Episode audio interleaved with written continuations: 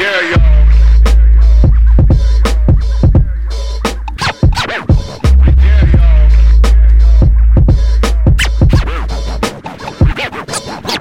Megatron. Halla igjen, Leo. Hallaien. Det var jævlig fet uh, intro, Trond.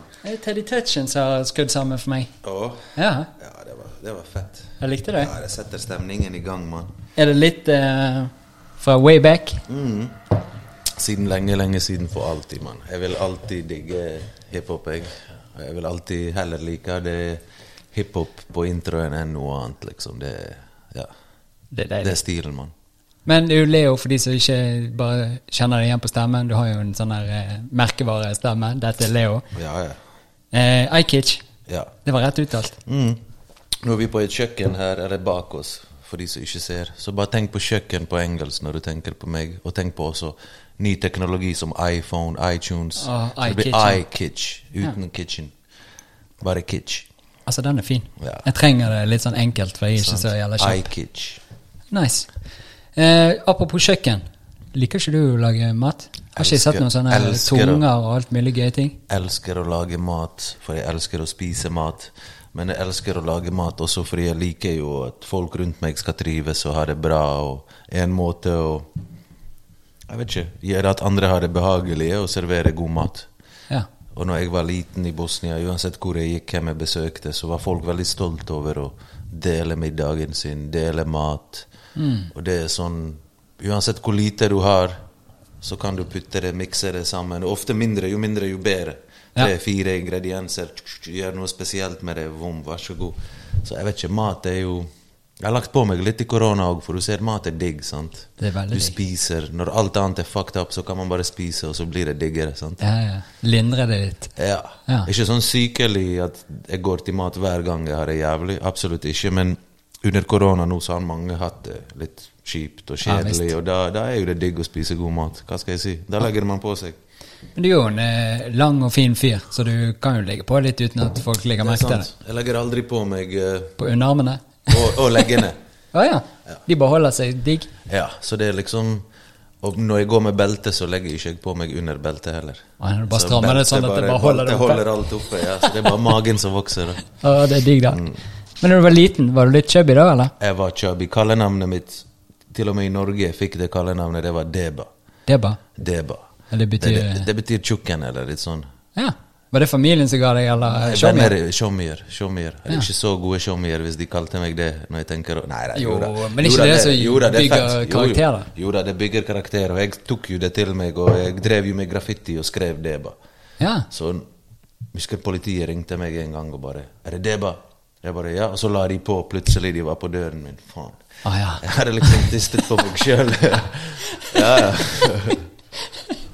Ok, men det, det er deilig med sånne feller, at du Ja, lærer. men det var før kriminell lav alder, så det ble jo faren min som måtte male litt rundt med meg i nabolaget. og litt sånn, Det var jo når jeg var 15-14 år gammel. sant? Ah. Så, men da, da var det mange som kalte meg Deba, og fortsatt noen som kjenner meg fra den tiden, bruker det kallenavnet. Jeg liker det. Er det lov å bruke det, eller? Ja, Deba. Ja. Det var ekstra fett, for den filmen Friday det var en som het Debo. sant? Oi. Så det lignet litt på Debo, og Debo han var jo den farligste. og Det er jo Debo, han var, han, det var han som ranet folk og slo de, og det var han Ice Cube tok på slutten av filmen Ja. og ble en helt når han liksom Han tok tilbake dyden. på Debo. Ja. Så Deba og Debo, det, det hadde vært to venner, det. Nei da. Men hva er det du styrer med for tiden? Du er jo så jævlig opptatt. Nå kom du fra noe og skal på noe, og så er jeg jo jævlig takknemlig for at du satte av litt tid til å drikke te her. Ja, takknemlig å bli invitert. Jævlig digg te, forresten. Jeg, jeg jobber jo med TV, først og fremst. Ja. Og eh, NRK. Og jeg jobber med to serier samtidig nå. Å, helsike. En om rusmidler. Ja. Eh, og en om asylpolitikk. Og Ja. folk som kanskje bor i Norge, men ikke alle i familien er fra Norge. Folk som er født her med foreldre fra et annet sted. Og hvilke konsekvenser det har med seg når de lyver, f.eks., eller når Ja, noe skjer. Eller Så Mustafa-saken. Jeg følger jo Mustafa litt Ja. nå. og Det er jo helt vilt. så det er noe jeg ville jobbe med. Noe sånn, jeg tenkte lenge nå må jeg begynne med noe underholdning igjen. Grunnen til at jeg jobber i NRK er fordi jeg tørde å kødde. Jeg var en kødd eller whatever. Men, men så er det en del ting som skjer der ute som jeg har lyst til å ta tak i og gjøre på min måte. Og presentere det på NRK som gjør at mange i dette landet får det med seg, på en måte.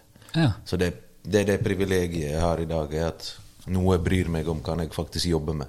Ja. Noe jeg syns er viktig. Mens før måtte jeg kanskje bare lage kødd eller et eller annet. Eller, sånt. Ja. Men det, jeg skal lage noe humor òg. Jeg vil ikke låse meg sjøl i å bare Oi, Leo, han, han, han snakker kun alvor. ja. Jeg, jeg kan være politisk ukorrekt, jeg kan kødde, jeg kan Ja. Men det tar jo sikkert litt tid også å når du begynner på denne lille veien der, at, uh, å finne formen sin, og kanskje du får andre interesser underveis, og kanskje finner at her er det mer mening nå, men nå er jeg i en sånn fase at nå kan jeg tøyse og tulle litt. Da. ja. Men jeg vil ikke putte meg sjøl i en bås og begrense meg sjøl. Spesielt. Spesielt i en bransje der sant, det du gjør, kan Veldig mange kan tro det er det du er. sant? Ja. Du lager et program der du tuller mye. 'Oi, han er en tulling'. sant? Du lager noe der du er politisk korrekt. 'Oi, han er politi-' Altså Folk tar det, tror du er han hele tiden. sant? Ja. Så der er det viktig å bare ikke gi dem én ting. Det er viktig å vise at jeg, jeg er et menneske. Jeg er, når, når jeg er i et bryllup, så fester jeg. Når jeg er med læreren min, så må jeg tone meg litt ned. Ja. Når, når jeg er på NRK1, så er det kanskje noe helt annet enn å være på YouTube. sant? Ja, Eller, en annen, annen gjeng, et annet publikum som ja, ser annet øye som ser. Ja. sant? Så det, det ja, øye Det som har vi et øye. Ja, ja. Min mor er jo eh, Jeg sa til, det, til henne, jeg snakket med henne tidligere, jeg sa bare, Leo skal komme inn. Å, han er fin! For det at eh, når han hadde fly, Hva heter han? Flukt. Flukt. Ja. Når vi så på det, så var ikke det noen sånn pekepinn på, nei, pekefinger på oss at dette må vi gjøre, sånn må vi gjøre. Hun bare Det ble formidlet på en sånn fin måte at det gikk inn i hjerteroten og, og gjorde at du virkelig følte noe. Og ut ifra det kan endre tankemønsteret ditt og, og den biten der. Jeg tror det Takk, Så- takk for det. altså. Så en hilsen fra hun, altså. Ja, takk for det. Det er jo det vi også prøvde med den serien. Og det er jo ikke bare meg. Kanskje jeg har gjort noe, ting, kanskje jeg har pekt av og til, men vi kan jo redigere og klippe det vekk. Ja. Sant? Det ikke For det er jo sikkert ikke enkelt å være helt uh, objektiv oppi Ja. en sånn greie. Men jeg var jo det på en måte. Nå, nå er det bare et eksempel på at det går an, men jeg var det. Jeg føler det jeg var, kom frem, og det vi ville lage, kom frem. Og vi ville jo ikke lage Når du ofte peker på noen og sier det skal være sånn, så gjør ofte mange helt motsatt. Jeg i hvert fall en sånn Hvis du sier nei, du må gå høyre, jeg velger venstre ofte. Bare Ja. fordi du sa høyre. Ja. Så jeg vil ikke være en av de som tsk, For jeg vet at det er ikke nødvendigvis at det hjelper. Ikke det hele tatt. Sant? Men Ja. jeg hadde jo sånne scener der La oss si jeg gråt i en scene. Ja. det er noe ingenting imot om det skulle bli vist, men det ble ikke vist. For da gråter jeg på vegne av deg. Da syns du synd på noen, eller Ja, ja, Så der er det bedre å liksom kutte det, og så får vi se om du gråter. ja. Mm. Mm. Hvis du skjønner? Ja, jeg skjønner godt. Men eh, hvordan var du når du var liten, da? Hvordan var du som type? Var du han eh, Mm, det kommer an når liten. Jeg var veldig liten, så var jeg veldig skoleflink og bare opptatt av å gjøre det rette. Og min bestefar, alt han fortalte meg, det tok jeg til meg. Så jeg var liksom Jeg likte indianere, ikke cowboyer. Jeg likte partisaner, ikke nazister. Ja. Jeg var litt sånn, holdt med underdogsene. Jeg likte sosialisme og ikke kapitalisme. Så det viser jo også hvordan vi er som svamp og tar til oss Ja. det de vi ser opp til, sier. Ja. Men han bestefaren din var eh, Hva var han for noe, holdt jeg på å si? Han var en som Var hadde fet. Han var jævlig kul, syns jeg. Og fortsatt noe av det grunnleggende greiene jeg står for, har han lært meg. Og ofte når jeg gikk ut av min karakter, så glemte jeg at jeg hadde sånne som han i livet. Eller de var langt unna, eller skjønner du. Jeg var Ja, i. Norge, han var i Bosnia, vi snakket ikke så lenge. Så liksom Mange ting som jeg gjorde, hvis jeg hadde spurt meg sjøl hva det bestefar trodde, så hadde ikke jeg gjort det. Ja. Eller hva hadde han tenkt? Så han var viktig for meg. Foreldrene var unge, de jobbet. Jeg, jeg gikk ikke i barnehage. Det å gå i barnehage var ikke nødvendigvis noe som, som, som ble sett opp til i det hele tatt. Nei, okay. Det er sånn, Har ikke du familie? Har ikke du bestemor? Ja, tante som som kan. Ja. Ja. Jeg hørte i barnehage var forbundet med lus på håret, og at sånn, du må skinne deg når du kommer hjem, og masse sånne problemer. da. Ja. Sånn, det er mye bedre å vokse opp med folk du er glad i, da, tenkte vi da. eller Det er sånn jeg ble oppdratt. Men i Norge har det forandret seg. For jeg kom jo fra en, la oss si, et samfunn som var ganske ok. Ikke rikt, men, men rikt på mange andre ting enn bare at vi har penger. og Vi, kan, vi kunne ikke kjøpe Ferrari, men vi kunne kjøpe bosnisk eh, lagd bil eller jugoslavisk lagd bil, Lada, whatever, Jugo. Ja. Vi, kunne gå, vi kunne ikke gå på ferie til Maldivene, vi gikk på ferie i Kroatia. Ja. Fint nok det. Så vi hadde jo Vi var rike på mange måter. Sant? Men ikke det vi forbinder med rik her? Nei, men i Norge det her var fattig. Og det Ja. forandret meg. sant? Ja. Og jeg vokste opp i Løvstakken, sosiale boliger. Jeg Vokste opp med mange rundt meg som var også mm, Ja, kom fra masse sosiale problemer der. Ja. Så, så jeg kom jo ikke fra et fattig land og fikk alt servert der, men jeg kom fra et fint sted og ville bare bli sett og vise at hei, jeg kommer fra et fint sted. Ja. Men folk tenker liksom Ja, kanskje det har med nyhetene og mediebildet og krigen at jeg kommer fra et grått, trist Øst-Europa-sted. Ja, mens egentlig så er det Syden. egentlig. Jeg er 30 km fra der folk går på ferie i Kroatia, liksom. Ja. Jeg er der, der jeg er fra, jeg kan google nå, det er sikkert 20 grader, mens det er 5 grader her. sant? ja. Så jeg ville bare vise at jeg kommer fra et sted der vi også hadde noe en gang. Vi også Vi har mange oppfinnere og smarte folk som Tesla som Altså, jeg, jeg kom fra et samfunn Jeg òg vil vise at jeg skal bli respektert på en måte. ja. Og så kom det sakte og sikkert frem i form av hiphop.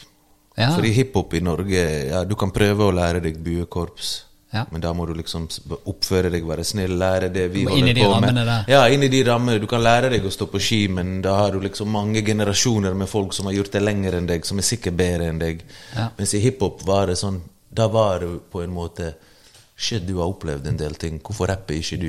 Du har jo jævlig mye å fortelle. Du er jo en ressurs i hiphop, sant? ja. Så i hiphop, basketball, var ting Det var ingen diskusjon om vi som nye landsmenn ødela det eller, eller et eller annet. Det, det var bedre for alle med oss. 100% Det var Ja. flere. Det var miljøer som det var for få folk som drev med. ja. Som graffiti. Det var jo liksom Så lenge du driver med graffiti og har hørt om graffiti og ser opp til andre graffitifolk, så blir du tatt imot. ja. Sant? For det var jo underdog som drev med graffiti. Og så gikk det fra tagging til graffiti til å bli kalt gatekunst. Sant? Ja, ja. Og da blir man også en større del av dette samfunnet når det er mulig at graffiti kan bli gatekunst, at hiphop kan bli musikk, at basket er en idrett og ikke bare Ja. Hva er det dere holder på med? sant? Så ja. Men begynte hiphop-biten når du var i Bosnia, eller var det når du kom til Norge? Første opplevelse var i Bosnia med hiphop. Ja, hva var det, da? Husker du det? Mm. Altså, jeg fikk min første kassett av en venn før jeg hadde egentlig egen musikksmak. Jeg hadde jo MTV, husker jeg, hjemme og sånn, og jeg så litt rare musikkvideoer. Jeg husker noen sånne teknolåter, Patch Up Boys, sånn musikk uten synging. Hva er dette? Bare en beat, eller et eller annet. Jeg husker en låt, bare go, go. Ja. Det var sånn tidlig 90-tallet, eller 1989.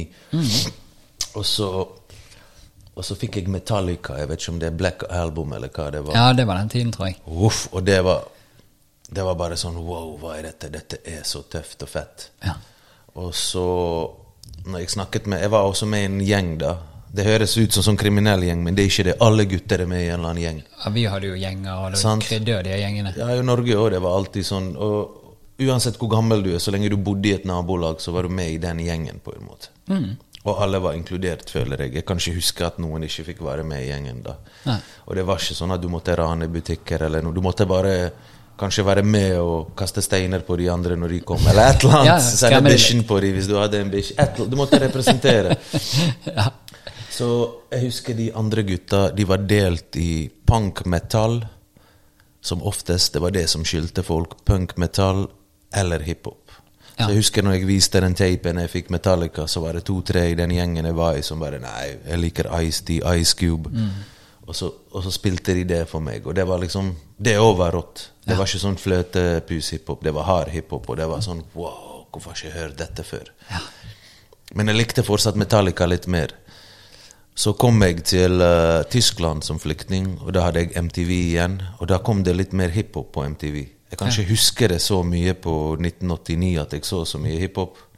Det snek seg vel inn da med 92, Yo MTV Raps og alt det. i 92-93 husker jeg Bobby Brown. Det var en av de første videoene, selv om det var litt mer R&B. Ja. Det var bare attituden, det var noen syke dansemoves, noen svære klær, og så Criss Cross.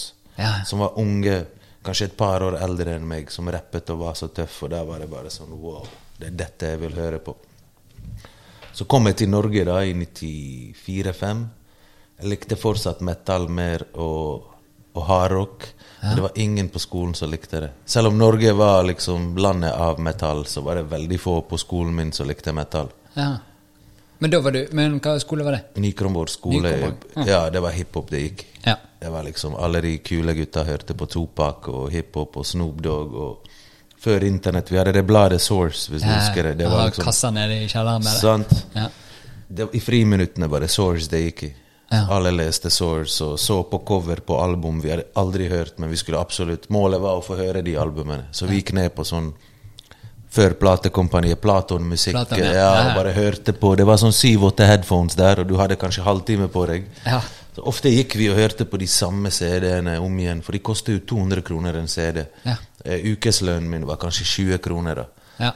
Så jeg måtte egentlig ha Jeg, jeg fikk et radioshow som var et sånn integreringsprosjekt. Og der fikk så vi du jobbet, eller du var host, eller? Ja, Radio Fremløv. Ja.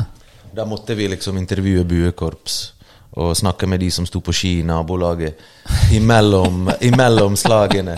og Da fikk vi en CD i uken, og da intervjuet vi lokale ting. Det var som et prosjekt, men vi gjorde det bare for å spille vår hiphop, for å vise at hei, det er det vi hører på, vi vil bli hørt. Hør på oss. For hver gang vi så på Topp 20, så var det én hiphop-låt, to maks. Ja. Og det var den som hadde mest synging, eller mest poppete, eller det var den med Sissel Kyrkjebø på refrenget. Ja, ja, med, med Warren, Warren G. G. Ja, så det var jo litt sånn underrepresentert. Mens på skoleplassen, det var liksom Hei, folk vet litt mer hva det går i. Ja. Så vi følte oss litt sånn Litt annerledes enn resten av landet, da. Men var ikke det en litt sånn Eller var ikke det, nå putter jeg ord i munnen på deg, men eh, jeg føler jo bare at det var en litt sånn deilig tid, for det var noe som begynte å springe opp og, og bli noe i Norge som ikke hadde vært der før. Og så fikk vi lov å være med og ta en del av de greiene der. Ja. Og i tillegg det der med 20 kroner eh, i ukepenger, og så var du nede og så hørte du på alt mulig, og så Ja. måtte du velge. altså Det var mye mer sånn eh, Du måtte putte mer eh, innsats inn for å finne ut hva du skulle ha, og hva du skulle satse pengene dine på, og alle disse tingene her.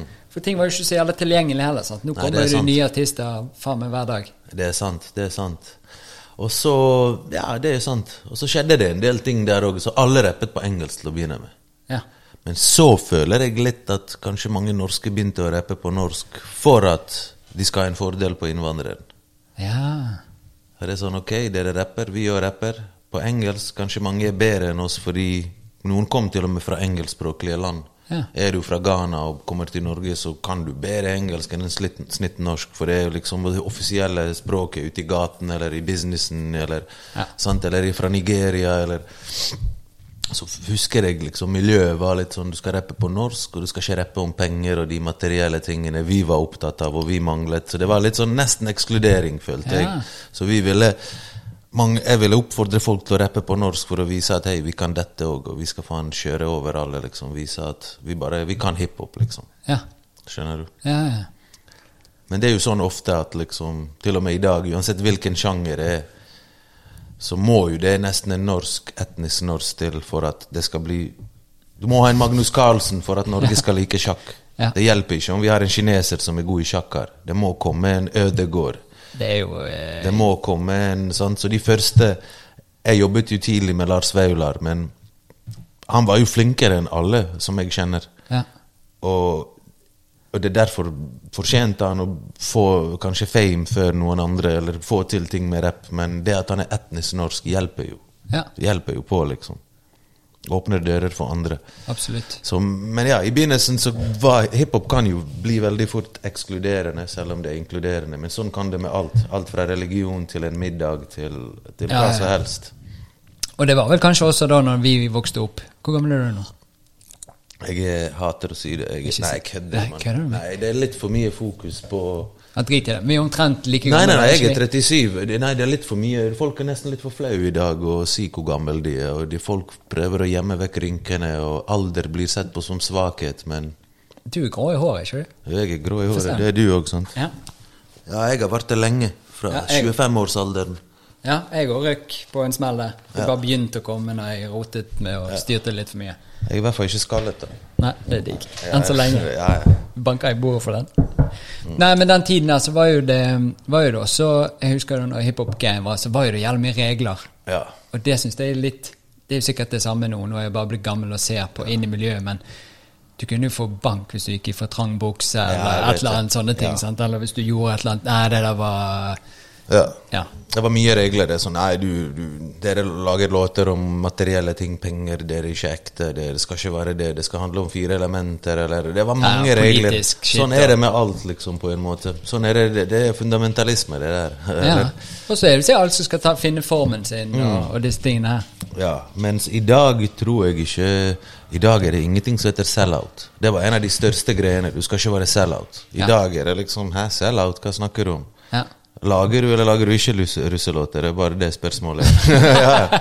Neida, men det er en del ting folk i dag slipper å forholde seg til. Det er en del regler de ikke bryr seg om. Og jeg føler hiphop og rap er bare en Du kan bruke det i alle sjangre. Fra Limp Bizkit til Enya World Music. Ja. Det er liksom Du kan synge det, eller du kan si det og rappe det. ja. Trenger ikke være hiphop. Trenger ikke ha noe med kulturen å gjøre. Det er bare en måte å uttrykke seg på, er å rappe. Ja. Og jeg føler rap er underdog sin måte å synge på. Fordi det er ikke alle som Gud har gitt en fin stemme til. Nei, jeg har jo ikke det i hele tatt. Sant? Så jeg tenker liksom mange av de jeg kjenner, hadde sunget hvis de hadde hatt en stemme. Men Ja. de har ikke det, derfor kan de rappe. Ja. Det er fint. Det er, ikke, det er sånn jeg ser på det. Jo, jo, men jeg er enig i det. Sant? Ja. Det blir som å rave, liksom. Du trenger ikke danse og kan koreografi og ha god hukommelse. Så lenge du er med på å gjøre noe moves, så er det dansing. Ja. Sant? ja, det er deilig. Mm. Så rapper jeg underdog. Men eh, har du rappet sjøl, eller? Nei, men mange Det er det som er så fint at Du mange, snakker på den ene CD-en til eh, mange, Tian og CD Lars, mange Jeg ville jo liksom være med i, i rampelyset, selv om jeg jeg ville aldri rappe, rappe personlig, men jeg ble jo oppfordret til det. Det er fordi jeg har gått gjennom en del ting. Kom fra et land, opplevd krig, og da blir det liksom Du har historier, liksom. Ja, du har historier å fortelle, mens kanskje mange som skrev hiphop, tenkte faen, jeg har jo ingen historie. Hvorfor? Jeg vil rappe, men jeg vet ikke hva jeg vil si engang. Jeg har ikke en historie. Jeg tror mange var klar over det. Mm. Jeg tror mange skrev ting og levde de ut istedenfor å leve ut det de Ja, og så skriver jeg det. ja. Ja. Og det foregår fortsatt i dag når det kommer til kriminalitet, gangstershit, Ja, ja. sånn selvoppfyllende profesi, sånn, eller hva det heter. Ja. Du sier du skal skyte noe nok ganger til at folk tror på det, og så til slutt så faen skyter du noen fordi du sjøl tror på det. Ikke så gale, men Nei, nei, mange steder er det sånn også, dessverre. Ja.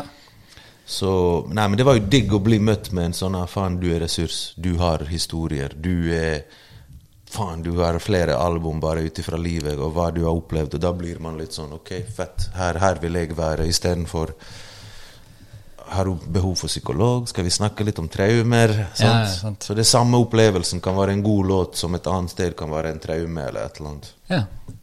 Og det, og det er jo definitivt mange som eh, bruker det som en eller annen sånn terapiform i tillegg. Bare få det ut og få snakket åpent om det, få det ut og bli ferdig med det, eller kanskje bli værende i det. Vanskelig å si. Men du rappet? Jeg rappet. Ja. Det var noen år, det. Ja, og, og hvordan begynte det for din del, tenker jeg? Oi, du snur, eh, snur den her. Det er greit, det. Ja, jeg vil jo lære litt om deg, og ikke bare snakke om meg sjøl. Nei, jeg vet det. Eh, nei, det begynte med at jeg eh, kunne velge mellom bunad eller platespiller. Ja. Ja. Fikk, du, fikk du kniv når det var bunad, eller uten kniv? Det spurte jeg ikke om jeg Ja, gikk for rett Hvis det er kniv, det er gøy. Kan bare Ja, men nei, nei, to tolvtiere mot en bunad er med kniv går ikke det. Nei, det er sant. Nei, da, så hadde jeg de, og så sto jeg på gutterommet der og koste meg. Og min mor de var jo glad for at jeg gjorde noe så de eh, kunne kontrollere, for jeg var jo litt ute og tullet og tøyset. Okay. Men, eh, og så begynte jeg å produsere litt beats og styrte og sånn, og så begynte jeg DJ for eh, noen typer. Og til slutt så fant vi ut at vi skulle gjøre noe sammen. Og da var vi Verbally Wishes, og så ble vi Spetakkel. Ja, Verbally Vicious. Så første gigen vi hadde, var på Gimle. Ja. I, i aulaen der. Og da var Sondre Lerche spilte først, og så spilte vi etterpå. Fett. Og da, eh, og da sto jeg bare bak deksten og, og rotet og styrte. Ja, ja. Og så levde du av hiphop lenge, sant? Ja, Men jeg fant ut at det var så kjedelig å stå der når de andre sto foran og hoiet. Det betyr ikke at jeg var noe god å rappe, men jeg, det var så kjedelig å bare være på scenen bak tekstene. Så jeg ville gjøre andre ting. Jeg ville ha litt shine. Jeg, òg. Ja. Så jeg eh, begynte å skrive tekster og begynte å gjøre det, og så ble det en greie. Ja. Ga vi ut noen album, og så holdt vi koken til 2005, og da ga vi oss. Ja. Ja. Fra når var topptiden? topptiden? 2001, 2003? Altså mest spillejobber. Vi hadde jo nesten 100 spillejobber, tror jeg, på et år i 2003 eller 2004, noe sånt. Ja. Men da var det også gøy, sant? for da lagde vi låtene på gutterommet. Det var litt ekte, istedenfor sånn press fra plateselskap og alle de tingene der. Så nei, men det var en fin tid.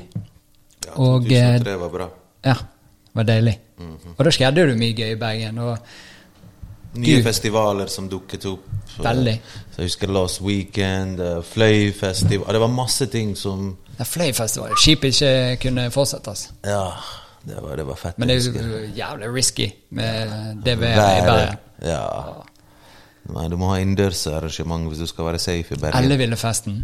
Ja. Men Jeg husker det var mye Det var mye fett som skjedde på den tiden, og mye, et miljø som på en måte vokste. da ja. tok plass og ble tatt på alvor, kanskje òg.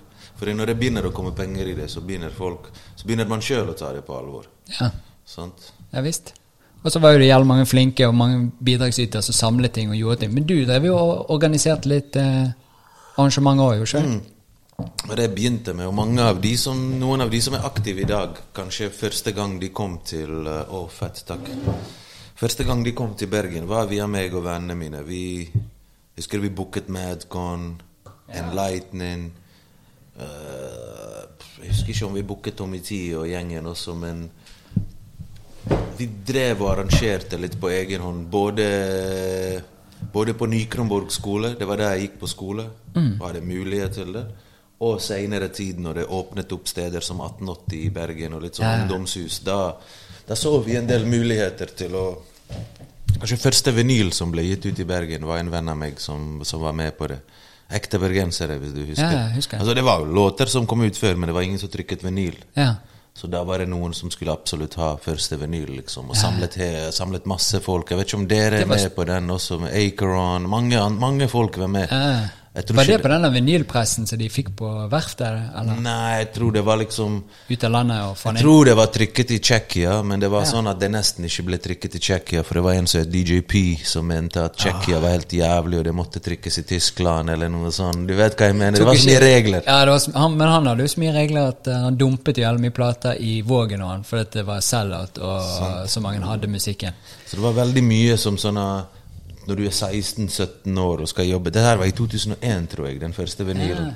Og da var vi ja, nettopp fylt 18-17, og der er sånn Vi har jo ikke peiling, vi vil bare gi ut musikk. Så var det mange som demotiverte oss. Ja. Og da Kanskje vi òg trodde det er sånn man skal være, så vi demotiverte noen andre som var yngre enn oss, med våre regler. Ja.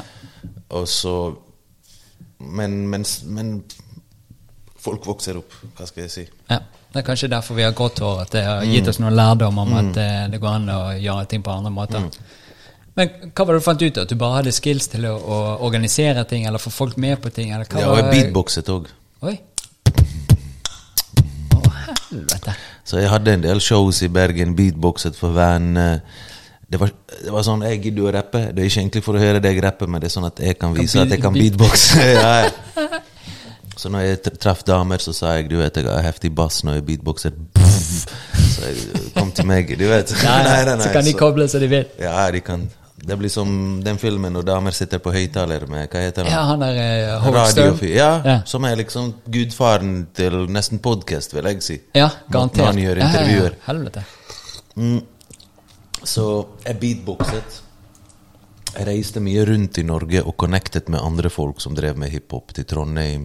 Jeg husker vi måtte reise helt til Stavanger eller Kristiansand hvis vi ville lage graffiti på en lovlig vegg, før vi var 18. Ja. For alltid, det var nulltoleranse Bergen og Oslo. Det var liksom, dette er tagging. Ja. Du driver og tagger lovlig eller tagger ulovlig. Det var ikke noe kunst, gatekunst. Nei, nei, nei. Og der òg måtte det Jeg husker en venn av oss, Markus Ja. Smith, han leide jo Banksy. Banksy kom på en jam til Bergen. Ja. Og først etter at Banksy tagget ned hele byen eller lagde masse kunst, og folk skjønte hvem han var, så kom Dolk og andre folk som gjorde helt det samme, men da var det kunst, på en Ja. måte. Så jeg husker vi gjorde mye bare for å bli sett, for å bli hørt, og vi måtte jobbe hardt for å få det til å skje, på en måte. Ja, men det var jo kanskje pionerene i Bergen for å pushe, pushe miljøet, og Ja. kanskje vise oss at det er ikke bare jævelunger og Ja. hærverk, men det er faktisk noe fint med den tingen også. Ja, og jobbet oss rundt eh, reglene litt. Husker vi, ok, Det er ikke lov å male noen sted, men da bestiller vi sponplater og grunner de med maling og maler på de, og så setter vi de opp på hver eneste hiphop-jam og konsert. Yes. Sånn at folk skjønner at graffiti finnes her òg. Men så syns jeg det var kjipt at andre steder fikk lov, vi fikk ikke lov. Ja. Samsen kulturhus eller noe sånt i Kristiansand, eller, eller var det Stavanger? Sandnes? Mølla, Mølla, Mølla, Mølla og Samsen. Det var to steder. Så var det to ganger H hiphop-festival i Trondheim. Jeg arrangerte buss, tok med 50 folk fra Bergen opp der, og vi sov på en skole der. Og, Ja, ja. så jeg ville jo arrangere ting og tilrettelegge ting for de rundt meg som drev med det, på en måte. Hva skjedde med to ganger? Nei, jeg vet ikke. Det, det som skjedde, var at uh, hiphop ble større enn miljøet, tror jeg. Ja. Så det er liksom ikke nødvendig Altså, For det var jo en fet ting. ja, det var en fet ting, men det som er, du kan ha en hiphop-kveld og booke 40 hiphop-folk, og så kommer det like mange som hvis du booker bare én av de. Ja, det er sant. Så det blir, eh, For det er ofte de samme folka som hører på. I hvert fall på den tiden. Liksom. Ja, Er det hiphop? Oi, da kommer vi. Så det er Ja. ikke vits å ha 40-50 folk. Hvis du vil tjene penger. Du kunne bare hatt 40-50 ganger den samme konserten og tjent 40-50 ganger mer. Ja. Det er det jeg tror skjedde. Og så kanskje er det avhengig av Det var en som het Trepan, tror jeg, Ja, som, som lagde det. Som jobbet for kommunen eller et eller annet. Så det er jo ofte avhengig av at noen tar tak, og noen gjør det, og Styrer noen, det og noen styrer det.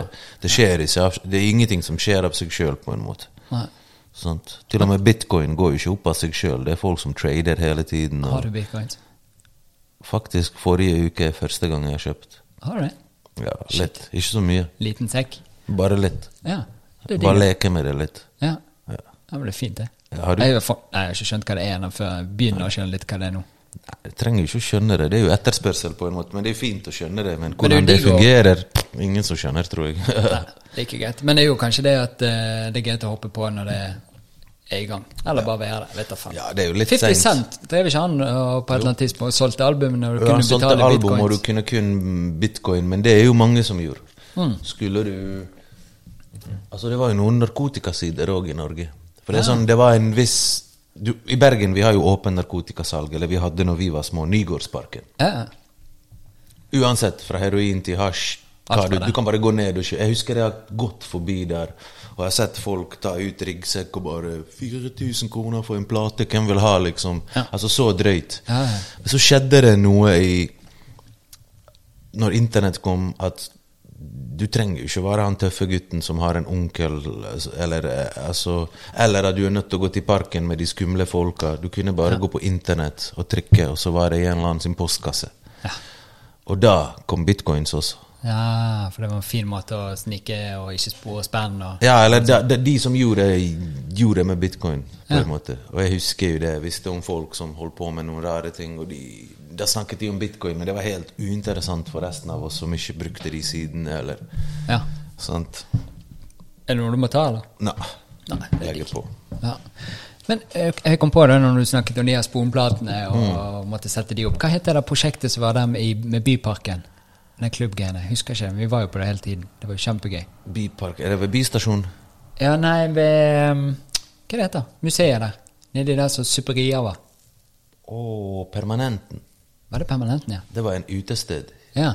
Og der var det jo eh, månedlig sånn hiphop. eh, Ja, det var, det var arrangert sikkert av Teddy Touch, som lagde introen, sammen med Markus Smith, som driver Lott eh, 33, eller noe sånt. Ja. Og uh, Mikael Telle, han hadde Primitive Records, en butikk, og vi pleide å gå der. Han solgte både house og hiphop-vinyl og litt sånn T-skjorter. det var fin kjappe, det. Ja, Rockers Records. Og Å, så hadde de Bernhard Sport òg, som var litt sånn skateblanding med hiphop-butikk. Ja. Så det var en del ting som skjedde på den tiden, og så kom stress litt seinere. Ja. Og jeg som liten, alt jeg ville var å jobbe på en av de butikkene, men de ansatte alltid noen kanskje litt utenfor miljøet, kanskje noen som har mer penger, men du vet hva jeg mener. ja. Så ja, helt til de kanskje Jeg tror Girson fikk jobb på et sånt sted. Som Han bare snakket seg inn. Ja, eller Steve Perman jobbet han på, jeg er ikke helt sikker. Jo, han var på Stiperman i hvert Ja, på, i hvert fall. Jeg vet ikke om han var på stress. Men det var i hvert fall kult. De var i hvert fall De var i hvert fall veldig cool med oss som kids og oppmuntret oss til å drive med det. Og jeg som 14-15-åring kom på voksne parties. Og så gikk det over til Agora. Der var det 20 års aldersgrense, hvis du husker det. Og da var jeg 17 kanskje, og da kom jeg inn der, liksom. ja. Det var nede i kjelleren der på Ja, men det var jo ikke Come on. Det var jo ikke På den tiden så var det ungdomsdiskoteker med fylla og faenskap for de som var 13-14. Ja. Så det å gå på et 20-års, 18-årssted var nesten bedre. Mindre fylla, Ja. mindre dop.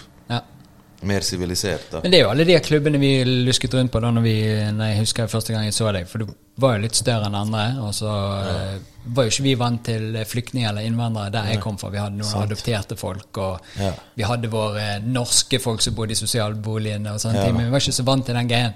Så for meg så var det litt uh, uvant og, Ja, og skummelt. Men det er jo det Det er jo ofte det er jo ikke hat eller rasisme, det er bare frykt for det ukjente, og det går jo begge venner, begge veier. Ja, ja. Ofte vi som er fra andre siden, og som kom hit, må være større og ikke vise sårbarhet for at folk ikke skal bruke det mot oss og mobbe oss og ødelegge oss. Jeg vet at jeg ble mobbet når jeg var liten, men ingen hadde fortalt meg hva mobbing var. Så jeg tok tilbake og var verre tilbake. Ja. Og da sluttet de, sant. Hadde jeg blitt lei meg og folk hadde sett det, så hadde jeg blitt han gutten som ble kalt feit. Og, men når de kalte meg feit, og jeg sa hei, det sa din mamma om min pikk også. Ah, Og jeg sa det i timen foran læreren, og alle andre lo. ja. Jeg hadde en comeback. Akkurat som i en battle. Jeg hadde Ja, en rebattle. Jeg hadde noe å komme med. Da sluttet folk. Da likte jeg det. Da bare Ok, la noen prøve å mobbe meg. Jeg Hvor fikk du den skillen fra, tror du? Eller hva hadde du? det, det er bare fra barndommen, fra Det er det jeg tok med meg fra Bosnia. Ja. Det er det som er forskjell på å være adoptert og komme fra et annet sted. Det er at Når du kommer fra et annet sted, så tar du med deg noe. Ja. Altså Du kan bli adoptert og ta med deg noe, men ikke når du er baby. da Nei, nei, nei. Så da, jeg hadde jo med meg den bosniske humoren. Den liksom litt, Vi begynner med mørk, svart humor ganske tidlig. altså Ja, Ja, ganske drøyt. vittig. Men eh, også, det, det er jo sikkert derfor du har eh, blitt så flink på det du holder på med. For du har snakket til ditt tenk, trenger ikke tenke så jævlig mye før du har en, en gøy liten strofe som kommer, eller et eller annet idé. Og det virker som ideen og snakketøyet Ja. kobler ganske raskt Ja, for sammen. det er ADHD. Jeg er Alt det der. Pa, pa, pa. Ja, det er ganske ADHD. Det er sånn, Jeg tenker veldig fort, liksom. Ja. Eh, Det, det vet jeg i forhold til en del andre folk, eller sånn som det kanskje burde vært. Jeg, jeg føler av og til Og det kan jo både være bra og negativt. At du tenker at det du er, skulle andre vært like Nei, ja, altså det går jo begge veier. Det kan være fordel med at noen sier noe, så er du kjapt tilbake. Men det kan også være at du glemmer å høre på andre fordi du vil si noe kjapt. Ja, ja. ADHD du, gjør, du bare tenker på det du skal si. sant? Ja. Det går begge veier. Ja, men det jo kunne Men var det en, eh, noe som var vanskelig for deg? At du var litt sånn kokende, kokende gutt, eller har du bare snudd det til en fordel? Mm, ADHD Ja. og sånne ting, ja, det var jo liksom For det var, var det? Verste straffen å få var å bare få husarrest, sånn som alle andre i Norge. Jeg ville heller bli slått, men min far ville ikke slå meg pga. barnevernet og sånn. Og når jeg oppdro før jeg kom til Bosnia, jeg ble aldri slått. Nei. Så min straff var å gå på rommet ditt. Ja. Og jeg kan gå på rommet mitt og chille, men hvis du sier 'gå på rommet ditt', Så fuck. Ja. begynner jeg å svette og har det helt jævlig, og hele verden går rundt, og dere sikkert lager graffiti og lager beste låt, men jeg får ikke det med meg. Ja. jeg må være der det skjer. ja. Når jeg vil, liksom. sant? Jeg kan være på rommet mitt, men da er det meg som må bestemme. Ja. Nå skal jeg lage graffitiskisser, skisse på rommet mitt. Ja. Men hvis du sier til meg du får ikke gå ut, fy faen. Da kjenner jeg ADHD-en, da svetter jeg, da Det er som å være i den klassetimen og høre på det faget du bryr deg minst om. Så er det alltid noe å tegne i de Ja. fagene jeg ikke gjorde bra i. ja. Hva var favorittfagene? For du var god på skolen, sa du, når du var kid, men hva var Ja, jeg var god på skolen, men det handlet ikke om å være god på skolen på min lekeplass. Nei. Det å være, ha bare seksere var jo nesten en svakhet. Da er du en nerd, liksom. Ja. Det var litt kjipt, syns jeg. For jeg var sånn, kom an, det er viktig å ha gode karakterer. Ja. Men spesielt også hvis du har interesse for det. Ja, Ja. altså hvis du kan ha det og er flink til det, hvorfor ikke kjøre på? Nei, helt sikkert. Og det er sikkert en del folk som ikke gidder å gjøre så bra på skolen og satse på det fordi at det er ikke så kult. Det er ikke det som er Men i dag er de flinkere til det. Jeg ser at de er flinkere ungdom til å ta de rette valgene, og dessverre putter de litt for mye press på seg sjøl. Ja. Mange av oss syns wow, de er så jævla flinke allerede. De, faen, de røyker ikke sånn som vi gjorde. De vet at det er usunt. De de står for mye som er fett. De aksepterer mennesker sånn som de er. liksom Kjønnsroller, masse ting. Og så putter de press på seg sjøl, føler jeg. Mange. Ja. ja, og det er jo eh, Men kanskje ja, det at vi må være flinke til bare å gi litt faen også oppi det hele. Ja. Hvordan eh, føler du ADHD-en at nå når du er voksen? da? Er det Den er jo fortsatt der. Ja. Den er jo der. Men hva merker du i voksen alder? Hva er hovedutfordringene? Eh, hovedutfordringene? Det blir jo om å sette meg i ting jeg ikke bryr meg om. Ja. Derfor hadde det vært vanskelig å lage TV om ting, eller jobbe med det jeg gjør. Med ting La oss si, både som manager, for jeg er jo manager for mange musikere. Hvis jeg Ja, ikke liker musikken Ja, hvis jeg ikke liker musikken til en artist, så kan ikke jeg jobbe med han. Hvis jeg ikke liker temaet til et program, så er det vanskelig for meg å gjøre en god jobb. Jeg kan jo det. Jeg kan tvinge meg sjøl, men det er jo ikke ja. Men det skinner vel sikkert igjennom av det. ja, Og så syns jeg det er fordel når man står opp, at jeg vil gjøre ting. Hvis det er trening, så gjør jeg det om morgenen. Ja. Fordi ofte den energien, du mister den i løpet av dagen. Det er når du våkner, den er størst som oftest. Har du noe sånn du gjør hver eneste dag for å, å ha det bra med deg sjøl? Fysisk og psykisk og Nei, jeg har ikke noe sånn fast eh, Det første jeg gjør, er det jeg er nødt til å gjøre nå, hvis det er greit. Bare å pisse. Ja, det er digg, det. Ja, jeg må bare pisse. En liten pause. Ja, ja. Jeg så Jørgen. eh, Hva sa du? Jørgen fra Tungt vann. Ja. Fra Tungt vann? Tungt vann. Tungt vann. Hva for tungt vann? Fra tungt, han la ut et bilde fra kvarteret når han spilte, og jeg ser alle i publikum helt fremme, det var venner av meg. Og når jeg ser på meg sjøl da, så jeg ser jo ikke noe farlig. Jeg ser ut som den lille kiden, liksom. ja. Det er jo ikke noe stor, ikke noe sterk. Sikkert 17-16, Ja, et eller annet sånn. Jeg er jo ikke noe Det var liksom sommeren etter tiende klasse. Ja. At jeg bare vokste 20-30 cm og ble noe helt annet. Frem, før det så var jeg bare han lille tjukkisen. Ja. Og så strakk jeg meg ut. Jeg var som sånn Jeg var som en seigmenn, og så bare dro du meg Og så ble du det. ja, ja. Så jeg, jeg var jo absolutt Kanskje gikk rundt og var tøff, men det, jeg kan ikke se for meg at så mange syns jeg var tøff da. Kanskje når jeg ble 18, litt eldre, da er det noe annet. Når det kom litt mer skjegg, og når stemmen ble litt tøffere. Ja. Men før det, så hadde jeg rappet, så hadde jeg kanskje folk hadde trodd jeg er jævlig flink jenterapper eller noe sånt. Så ikke har kommet til stemme... Ja, du skjønner pointet mitt. Jeg hadde langt hår, Ja. Ingen dun eller skjegg. Tynne hender, tynne bein, bare litt tjukk mage. Ja. Litt pupper. Ja, ja. Å, det er deilige bilder. Ja, ja. Så det var jo ikke noe sånn uh, Å, han gutten der blir et problem, liksom. Nei. Kanskje jeg ble et problem seinere, når jeg ble høy og ja, når jeg strakk meg litt. Men nå er du en ressurs.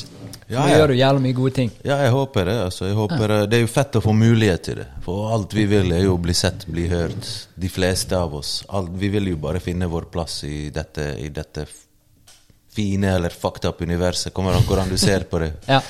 Så, så det er jævlig fint å finne sin plass og få lov til å være seg sjøl og slippe å ha maske på og alt det shitet der. ja.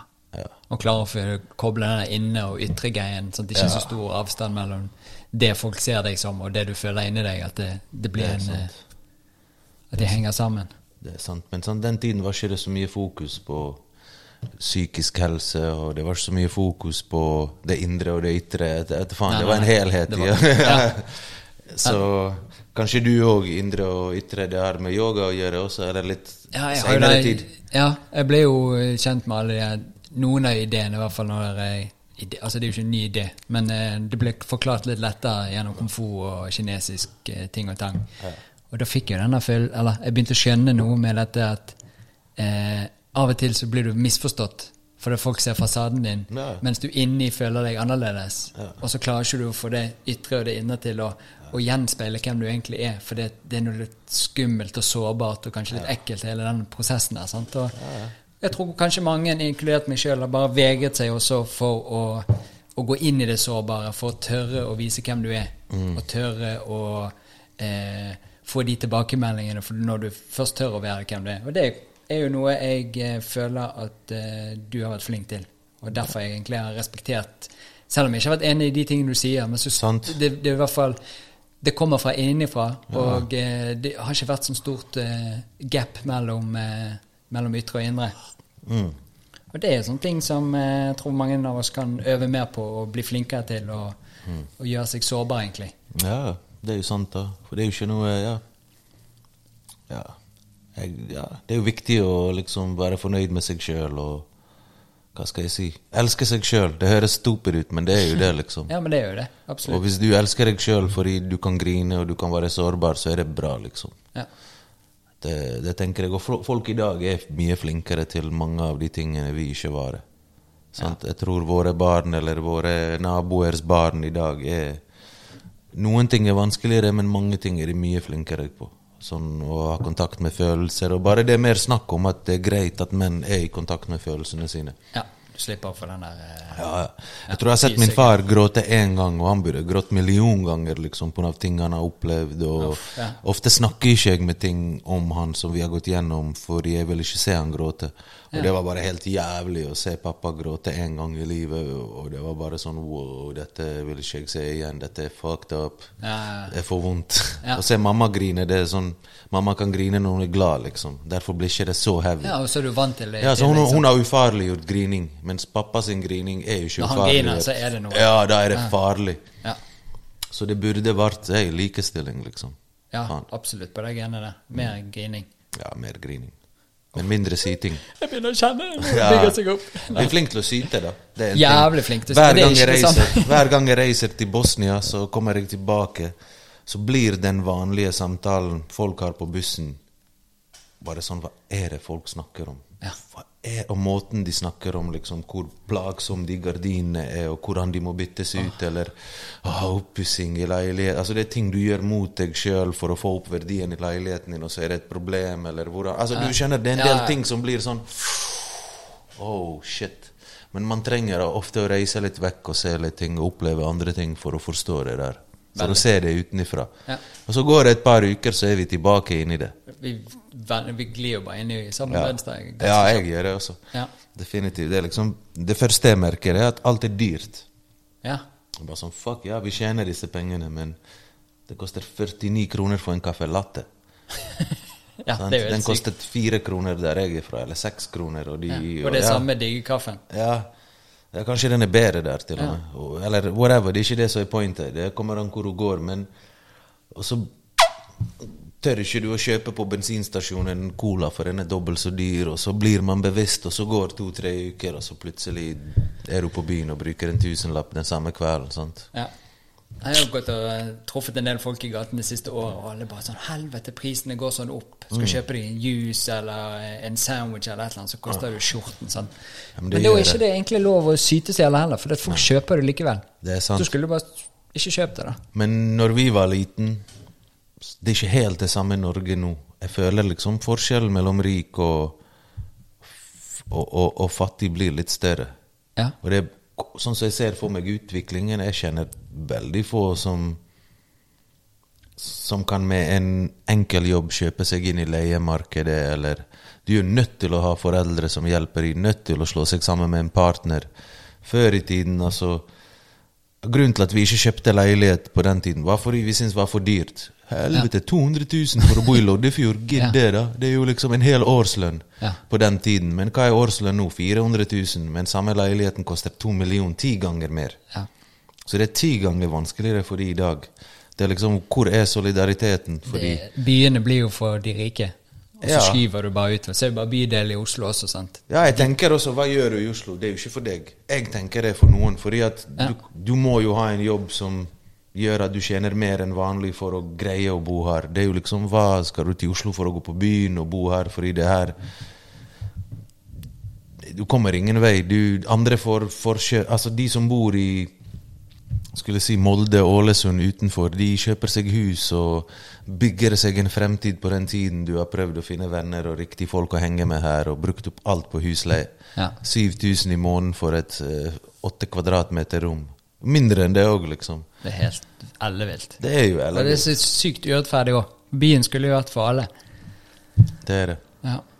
Herregud. Men eh, ja, så du er jo programleder for masse gøye ting, eh, og interessante og fine ting. Men eh, også manager for en hel bunch. Ja, for en del. Ikke en hel bunch lenger, men jeg jobber med Kamel, Kings Kirkwan, Belize og Rohat. Jeg har fire artister som jeg jobber med mye, da. Ja. Angelo Reira også, men han er ikke tilgjengelig for tiden. Snart er han tilgjengelig. ja. Ja, tatt en liten pause. Så ja. Det, Hva er det som er gøy med det? Eller hva er det, hva er det du er god på der? det er jo liksom Jeg har jo aldri leitet etter talenter å signere. Det fins mange folk der ute som som kommer fra gode hjem, som lager god musikk, men det må være et eller annet som Det er nesten som Hvorfor damer liker bad boys. Fordi de tror de kan fikse de til å ikke være bad boys. Det er litt sånn med meg òg. Jeg jeg Hvis ikke de trenger meg, så trenger ikke jeg de. Jeg må jo utgjøre en forskjell i livet deres. Ja. Det må gå fra at det ikke gikk så bra, til at det gikk bra, kanskje. ja. Jeg har aldri funnet en artist som bare wow, er her oppe og lever av musikk, og nå hopper jeg inn, og nå skal jeg makse det. Nei, jeg er mer sånn som er flink at vi begynner fra bunnen, og så blir det noe ut av det. Ja. Og Hvordan gjør du det? Altså, hva er jeg må jo bli kjent med de folka og digge musikken deres. Først og fremst digger jeg musikken deres og gir de de rådene jeg ville, jeg ville gitt meg sjøl. Ja. Og så Er det sånn at du det da blir jo enda mer en tjommi enn bare Ja. et eh, partnerskap Ja, en Ja, jeg har, jeg har begynt å jobbe med folk litt her og der når vi ikke er så gode tjommier. Når det er bare 'oi, ja, jævlig kul låt'. Ja. Den personen må vi jobbe med. Og så har jeg skjønt at det må være noe mer bak det. ja, Det er andre ting som betyr noe for deg. Ja, Men samtidig så må jeg like låten. Hvis vi er showmier og ikke liker låtene dine, så er det jævlig vanskelig å være manager. Ja. Det må begge deler. Jeg må like deg, jeg må ville at det skal ha et forhold, at jeg også kan bidra til noe positivt. Det må bli større med meg, eller bedre med meg i bildet. Ja. Det må bli en utvikling. Og så må jeg elske musikken. Ja. Men hva, eh, hva føler du i de nye tidene nå? Sånn som når vi vokste opp, så var jo det Du kjøpte CD-er, og Mm. så var du på konserter. Nå er jo det viruser overalt, så nå Mm. kan jo ikke du være på konserter. Er, hvordan er man manager i dag? Man, eh, man får går fortsatt i studio, man streamer. Og hadde du en konsert i fjor som solgte ut, så kan du søke om å gjøre den i år òg, og så gjør du den for 20-50 mennesker, og du får betalt. Ja. Men så er det mange artister som Jeg skjønner det med musikere, det er en god idé at liksom Ok, staten betaler mellomlegget.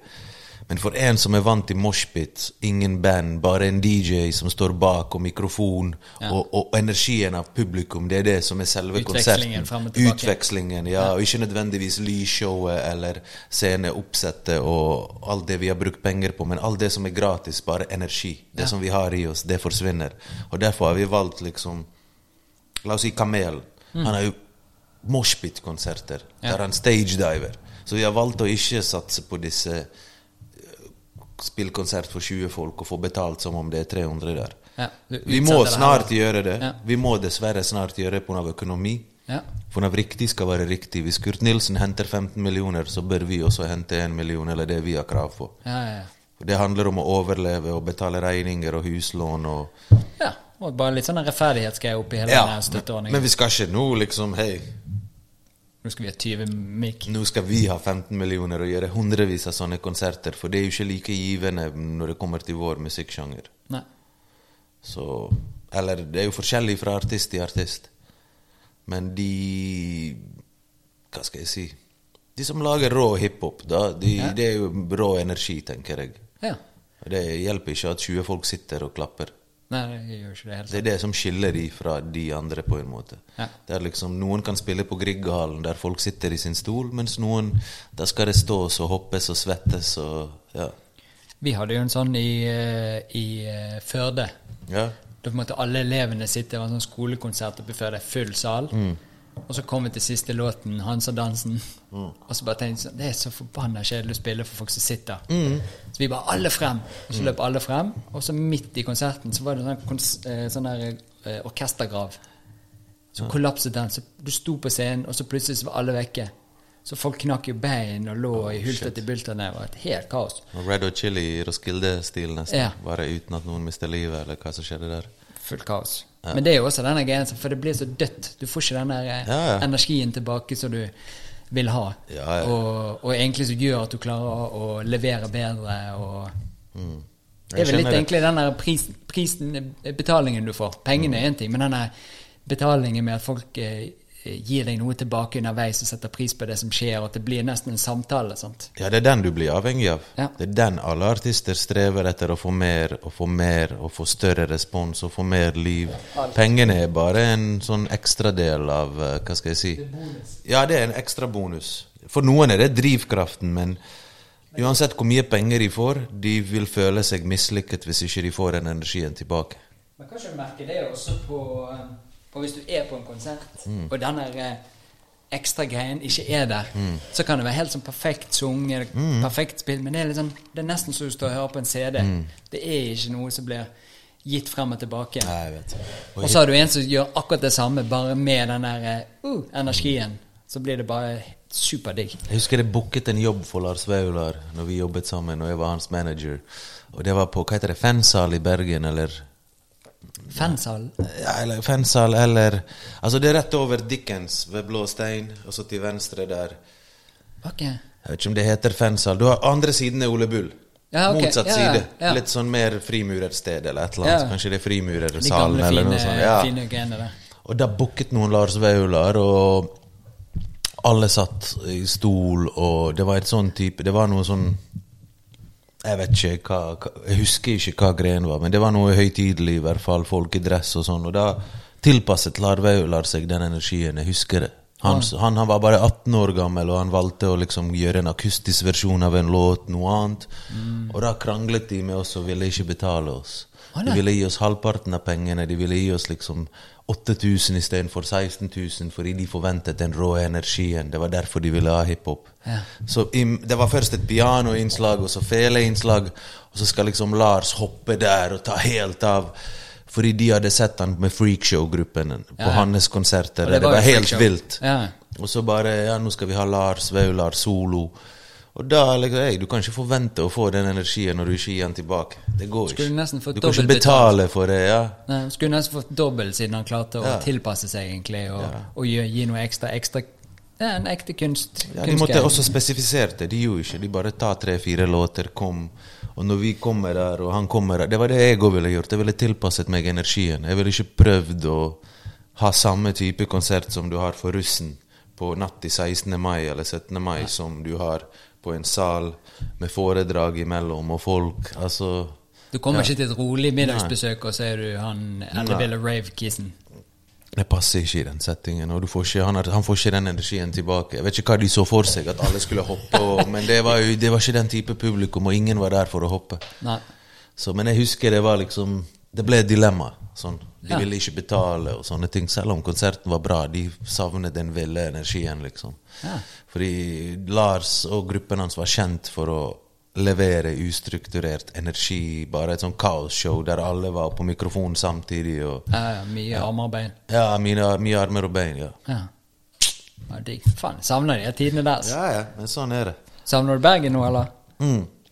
Jeg var der to dager siden. Jeg skal der neste Virket uke. det ok fortsatt? Jeg har ikke vært der på en stund. Ja, det er cool. Den vokser på en måte. Jeg ser utbygging, og ting skjer, og Men uh, Bergen ja, fortsatt Bergen er Bergen, vet du. Det er sånn Er det dårlig vær, og det har vært dårlig vær lenge, så er alle litt sånn småsur. Du kommer til byen, whatever, du er her. Er det sol? Er du her? Wow, Ja. kom vi ah, Bergen, beste, beste sted. Men det er jævlig fett å treffe på bergensere. Jeg føler jo meg bergenser av at hvor fet bergenser er når du treffer de utenfor. Bare det at du har Bergen til felles, er boom, vi kan snakke flere timer. Og jeg har reist land og strand rundt kryss og tvers. Jeg føler folk i Nord-Norge er generelt mer som bergensere når de treffer en annen bergenser. Ja, de har litt Bergen- åpen Ja, For møtekom- studenter i Bergen det er ikke så lett å få seg venner. De henger ofte med andre fadderukestudenter og andre Og Jeg har møtt mange mennesker som har flyttet til Bergen, og de får ikke Det er vanskelig å bli kjent med mennesker. Ja. Men når du er bergenser sjøl, når, når du kan de der kodene og kodeksen Uansett hvor i verden du er Jeg treffer bergensere i Mexico, i Tanzania i Det er bare Wow, så fett! Sant? Ja. Du har med en gang noe å snakke om. Ja visst. Mm. Hvordan føler du det i forhold til Oslo, da? Du har jo bodd her en stund nå. Oslo er jo mer innflyttere. Ja. Men er Eh, de de- flinke på å ta imot folk, eller er de eh, Hva er greien? Ja, de er jo de er jo sikkert flinkere til å ta imot, men de fleste som tar deg imot Du tror de er fra Oslo, men de er jo ikke fra Oslo sjøl. Og de, de som bor her, i hvert fall ikke Oslo-Oslo-folk. Det er jo mer innflyttere her. Vi bor på Løkka. Ja, østlendinger, folk fra Drammen, folk fra Lier, fra Kløfta, Jessheim, ikke vet jeg. Alle har familie. Ja. Sånn som I Bergen har alle en bestemor fra Sogn eller et eller annet sted der de har hytte, og, eller der familieetternavnet er fra, men de har jo bodd lenge nok i Bergen til å være bergensere, mens her er det kanskje litt nyere også, fordi folk flytter til oftere og mer, og mer, ja, mer svensker som jobber her, mer innvandrere. bydeler som er mer innvandrere. Så jeg vet ikke, Oslo er jo mer multikulturell på en måte. Består av mennesker som ikke bare er Oslo. Eller Ja. sånn innfetta. Ja, det blir vel en sånn hovedstad Ja. det Men folk har litt dårligere tid der til å slå av en prat, føler jeg. Fordi ja, de bor i. Oslo, fordi, Ja. eller husleie er dyr, fordi de må jobbe. De må, det er litt mer sånn storbystemning, selv om egentlig så er det bedre kollektivtrafikk, og du sparer tid her. Du får gjort mer i løpet av en dag. Det er jo jævla mye bedre enn i Bergen. Ja. Altså komme seg rundt. Ja, du får helt- gjort mer her i løpet av en dag pga. kollektivtrafikk, på grunn av ting er mer praktisk. da. Ja. Men så allikevel så har folk litt dårligere tid til å slå av en prat. Ja. Men det er vittig, for da jeg jeg var hjemme i julen, Mm. så er det litt sånn Det er så gøye sånne samtaler som oppstår bare i kassen. Mm. På, på Rema, for eksempel, i Bergen. Så er det 'Hallo igjen, du har mistet den der, Ja, ja. og skal du ha det til middag?' Og det er mye styr. Mm. Det er jævlig sjelden det skjer her, altså. Ja, jeg vet. Men det skjer her også. Og det, det handler jo også om å være litt bergenser. Og behandle de andre som ikke er fra bergenser, som om de er bergensere. Prøve å slå av en prat. Gi litt av seg sjøl, så får man tilbake. Så det Oslo er flink med, er jo å ta nye trender, nye Ja. Det syns vi var litt sånn fake i Bergen. De er posers. Bare fordi svenskene gjør det, bare fordi de Ja, ja. gjør det, så skal Oslo gjøre det. sant? Ja. Men de er jo sånn Sushi kom sikkert her litt før Bergen. sant? Thaimat. Ja, ja, sant? Så det er litt Det er en del ting som passer lettere inn her, på en måte. Bare, bare det å ha en restaurant utenfor sentrumskjernen i Bergen var sånn oh, Hvis ikke det er Bellevue eller et eller annet sånt, hva heter det der oppe? Som er litt sånn Som ekskluderer, ja. Er han det? Skal vi kjøpe den? Uff, det høres bare så dyrt ut. Ja, det er sykt. Bellevue. Fin utsikt, da. Ja. Men um, Så jeg, jeg har drømt om å ha en sånn hole in a wall-restaurant eh, utenfor et eller annet sted, Landås eller noe sånn. For som oftest er det bare pizza, liksom. Eller et eller annet sånn kebab, eller noe sånn fast food-grill. Ja, Som sant folk- Og ikke så jævla med kvalitet. For det trenger ikke Ja. være stor restaurant for digg mat. Det Ja. er jo Oslo jævla flink på. Det er de. Her kan du ta liksom trikken langt ut T-banen, så kommer du et sted der du får ordentlig mat, eller der du får sitte deg ned. Der du kan Du trenger ikke gå til sentrum for å enten kjøpe deg glass øl eller sitte sosialt med noen mennesker og bare slappe av. Det liker jeg også. Det er jo her at du har bydeler Mm. med ikke små sentrum, men det skjer ting, og du har en lokal pub, og du har disse tingene. Ikke Det skjer i Bergen rolig. Nestun, Lagun. Ser Danmarksplasser, masse restauranter. På. Landås har de fått skjenking på pizzaen. Har de det? Ja. Men så på Danmarksplass de har en restaurant som heter Jaja, så har de Bien, så har de Arti indisk. Ja. Nå har de åpnet en Damaski, heter han, fra syrisk. Oh, ja. Alt på sånn 100 meter avstand. Over, og så er det Prego, et eller annet som Ja. pizza. Så det er jo liksom Så det er Royal har du testet den? Ja, jeg var her nettopp. Det er, det er cool. Det er liksom Vi hadde ingenting der. Vi hadde bare Sveins grill før. Ja. Det er jo skamdyrt sånn sett. Liksom 119 kroner for en 150 grams burger, eller hva det er. sant? Ja. Så innvandrere gjør at det blir mer konkurranse, som gjør at det blir billigere for meg og deg, og bedre utvalg. Og så ikke bare innvandrere, alle andre som tør å satse litt utenfor sentrum. De får billigere husleie, og derfor kan de gi oss billigere mat. ja. Og, og de kanskje ikke må jobbe så hardt for å nedbetale husleien i seg sjøl at, at du kan kose deg, føler du har bedre tid der, på en måte. ja. Sant? Og føler også det at en del av sånne innvandrerrestauranter også har en helt annen eh, hva heter det på norsk? mindset. Ja. Dette med å drive noe, og at uh, det trenger ikke ta helt av, og lokalet trenger ikke være helt perfekt. Nei, nei, nei. Det er bare hva er ideen av det er det er digg mat. Og det er der, det jeg liker med en del sånne restauranter, også i Oslo, at det er et par sånne ting du går forbi og tenker sånn at mm, det ser ut som et høl, og så går du inn, og så har de det diggeste. Ja, det er digg, det. Det er fett, det. Og alle trenger jo ikke like det samme. Det er fett at vi har litt sånn forskjellige ting. Mangfold. Ja. Og det vittige syns jeg er en eller annen så eh, sånn fremmedfryktig fyr som ikke likte innvandrere. Ja. Men elsker kebab og thaimat. Ja. Ja. Og da er du litt vittig, for hvis ikke du hadde hatt innvandrere, så hadde du ikke hatt den maten. ja, men du kan også være en slaveeier som får slavene til å lage afrikansk mat til deg. Du kan være største rasist og elske maten til utlendingen. Det Yes. ingenting, egentlig. Nei, nei. Men det er jo fett at du, pengene dine går der. Du gir makt til han du hater, eller whatever, liksom. Og derfor blir det utjevnet. Ja. Men det spørs hvordan man ser på det. Det er cool, men det, å, det at folk spiser min mat eller thaimat eller sushi, det er første måten å bli akseptert på. Det er før hiphop. Før alt så inviterte jeg klassekamerater hjem bare for å spise. Fordi jeg er stolt over bosnisk mat. Jeg er stolt over det min mor spiser og lager. Og så når jeg hører hva folk syns er verdens beste mat i klassen, så blir jeg sånn Ok, kom, kom opp. Ja, du skal smake. ja. Hva er bosnisk mat?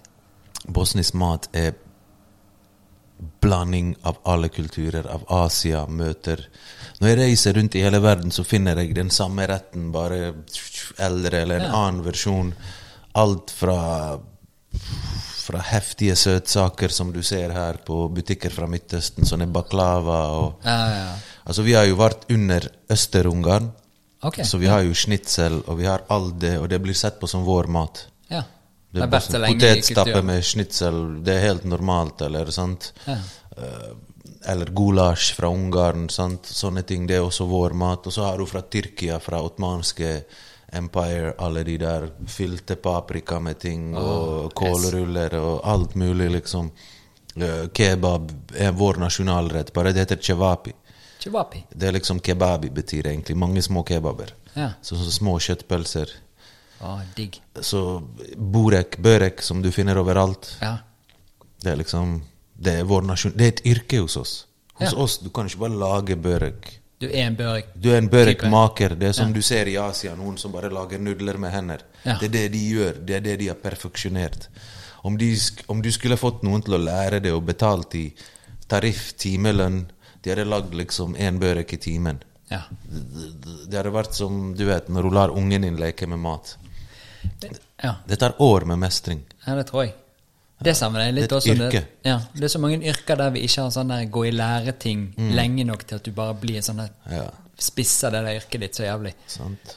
Så jeg så en sånn på Vice eller Munchies, en sånn sushi-serie med forskjellige sushimakere fra Japan, og de er så humble, de er så ydmyke, og de er sånn Jeg er 70 år gammel, og kanskje om fem år jeg har ansvar for fisk, for nå har jeg bare ansvar for sjøgress og ris, fordi min pappa kan det bedre enn meg.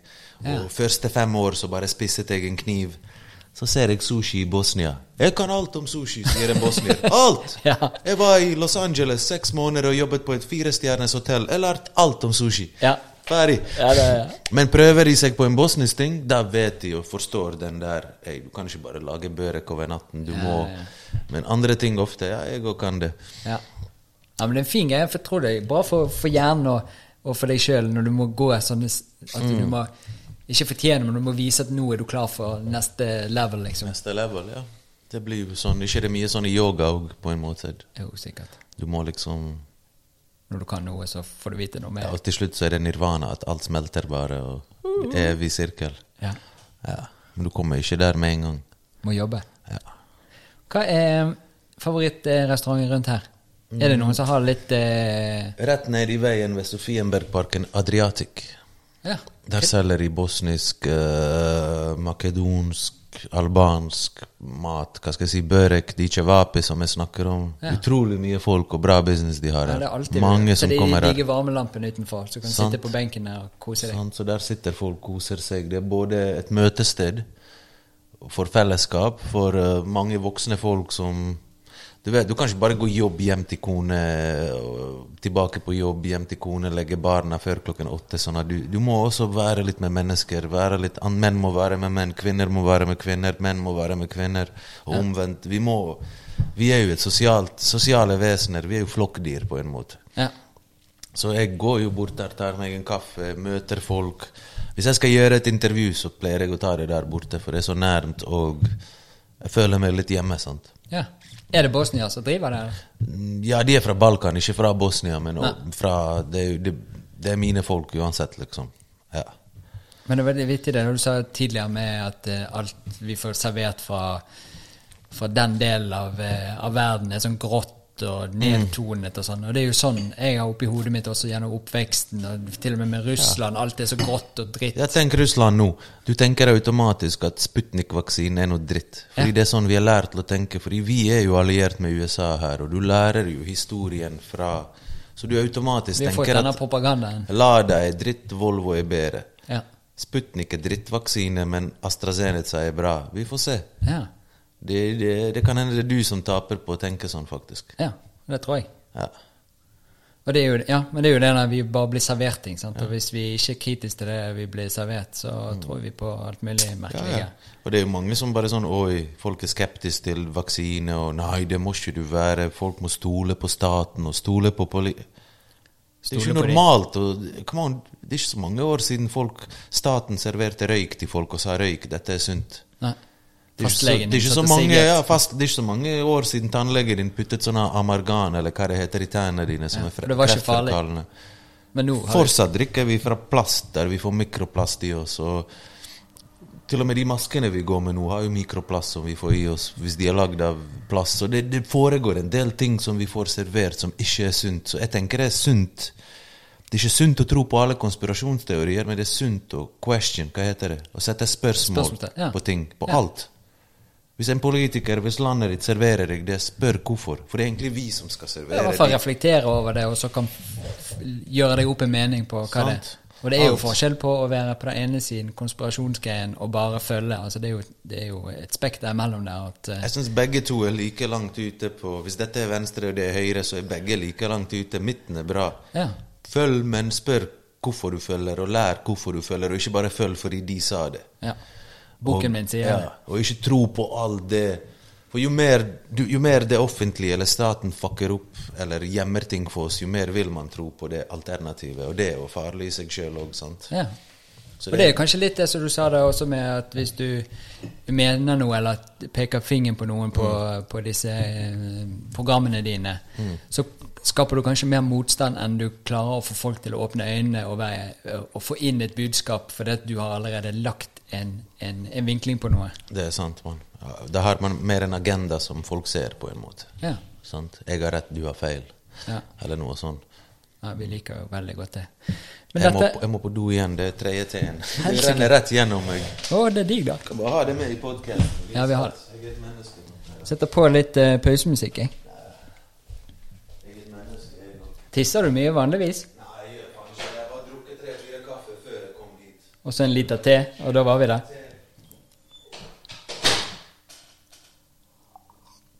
Da er jo Leo og tisser litt igjen.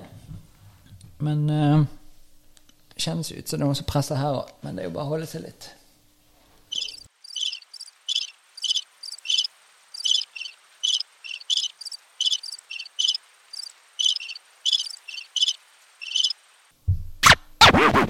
Yeah, y'all. Yeah, y'all. Yeah, y'all. Var det digg? Ja, ja, ja. det. Så jeg må bare om cirka Jeg har utsatt ting litt mellom 25 minutter og sånn. Perfekt, det det. Ja, Hvis vi får snakket oss ferdig til det. det gjør vi, vet du. Ja visst. Chill. Det jeg tenkte på i sted. Du nevnte der um, uh, den rusgreien din som du jobber med. Ja. Hva er det det går ut på?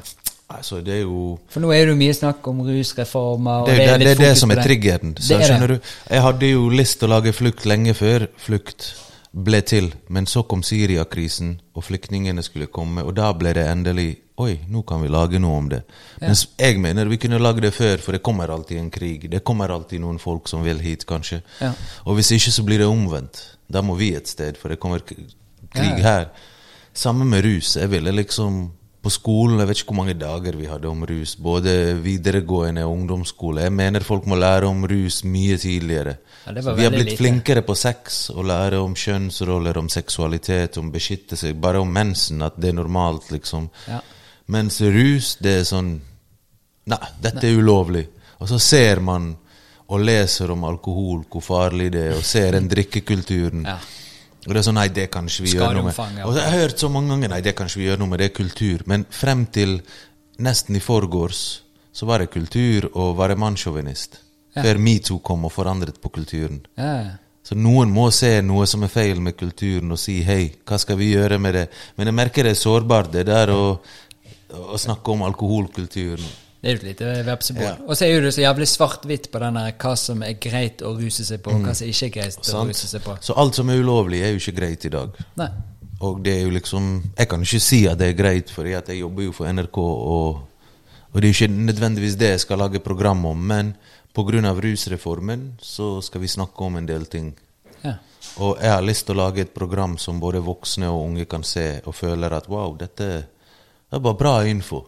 Ja, Hvis jeg skal lære noe om rus, så kan jeg se dette programmet istedenfor å gå den alternative YouTube og finne på egenhold, fordi at det du får servert, er ofte skremselspropaganda. Ja. Hvis du ser de gamle videoene om marihuana eller weed ja.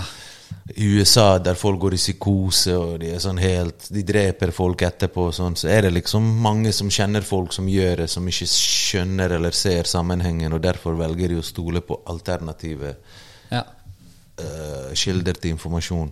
Ja. Jeg har lyst til at NRK, du kan se på det. Se det nye programmet Superkroppen.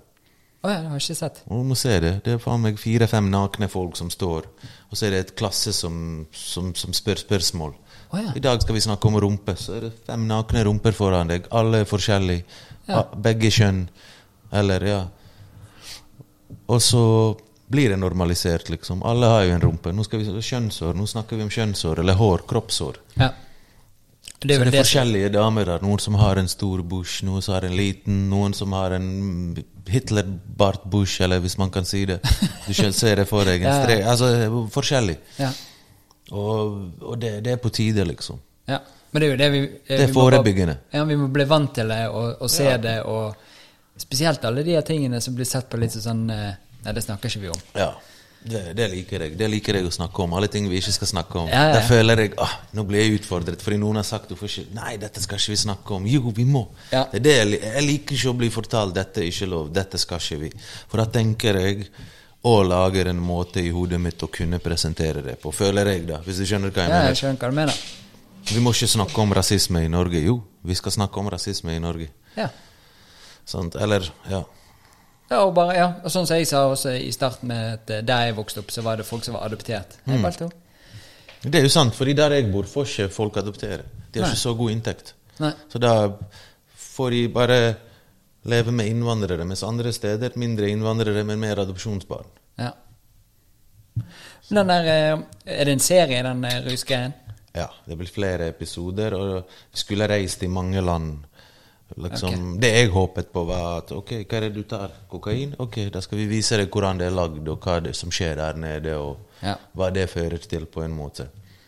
Er det sånn vi kan se også på, på deler av, av byen Det er jo lett å dele det opp i sånn øst og vest, men det man ser at det er flere som blir tatt for, for smånarkotika på østkanten, mens det er mer brukt og andre Mm. stoffer på vestkanten og sånne ting. Det er jo sånn urettferdig greie. Det Snuser du litt inn i det òg? Definitivt, fordi Ja. at folk på øst blir jo stoppet mye oftere.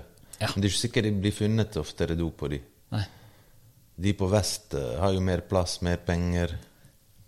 Så, og mange tror at de fra øst selger til de fra vest, men det er jo også barn i vest som kanskje ikke har muligheter og ser alle de pengene rundt seg, og alle de, all den rus eh, Hva skal vi kalle det? Appetitten for rus. Så vil de mette den og tjene noe penger og ta noen muligheter, mens folk tenker at det er han innvandreren fra øst som selger det. Ja. Og de er flinke til å nå Bare korona òg, du ser jo med en gang pekefinger de folka og de folka, og det er ingen som sier hei, der bor de veldig trangt. De sier hei, det er de folka, de sier ikke hvorfor det er de, eller Ja, de som får mest smitte, tenker du? Eller? Ja, ja, det er ja. altså ordet somaliere har jeg hørt siden oh. smitten kom. Ja. Men jeg kan vedde på at mange av de som sier at de har sikkert hatt korona sjøl og spredd det. Sikkert noen av de politikere som sitter i disse partiene har hatt det, men kanskje tør ikke å si at de har hatt det, fordi at de har skilt på det som et annet problem enn seg sjøl. Ja. Enn oss, liksom. Ja, De har sant. sagt de, mens egentlig har de jo sikkert hatt korona og spredd det. Og ja. Så bare se på statsministeren vår. Til og med hun har jo brutt reglene, og da skjønner du bare hallo, Ja. se situasjonen. Og det er jo mange politikere som har brutt regler Ja. Og vært sånn nesten tatt og mye styr. De er nachspiel-folkene. Ja, ja, ja. Nei, det er mye, mye greier. Mm.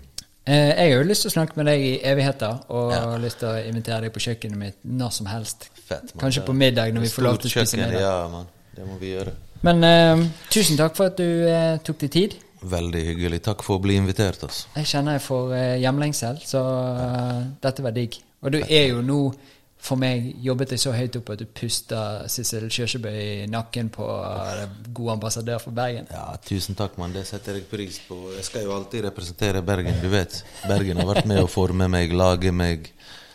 Og ja, det er en stor del av meg. Definitivt. Takk, Leo. Tusen Takknemlig. takk. Trond. Takk. Ja, setter pris på det. Takk for alle ikke at Han kommer ut igjen. Det er dignitet at han må ut igjen på.